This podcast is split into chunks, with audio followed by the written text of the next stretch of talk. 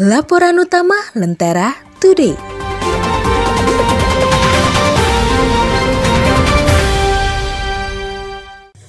Mendadak Jokowi diingatkan pemazulan. Ada apa? Buntut DPR setujui Nyoman Adi jadi anggota BPK. Dewan Perwakilan Rakyat atau DPR menyetujui Nyoman Adi Suryatnyana sebagai anggota Badan Pemeriksa Keuangan atau BPK yang baru. Restu tetap diberikan meski Nyoman bermasalah karena ada pelanggaran Undang-Undang Nomor 15 Tahun 2006. Padahal Mahkamah Agung atau MA saat dimintai pertimbangan juga sudah menjelaskan beberapa hal yang harus diperhatikan.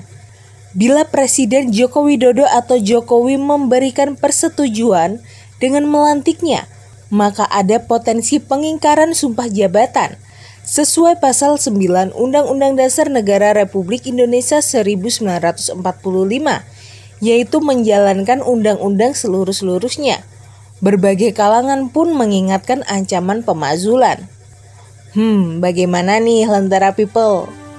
Dapatkan juga berita menarik dan inspiratif lainnya di Hari Lantara Today edisi Rabu 22 September 2021.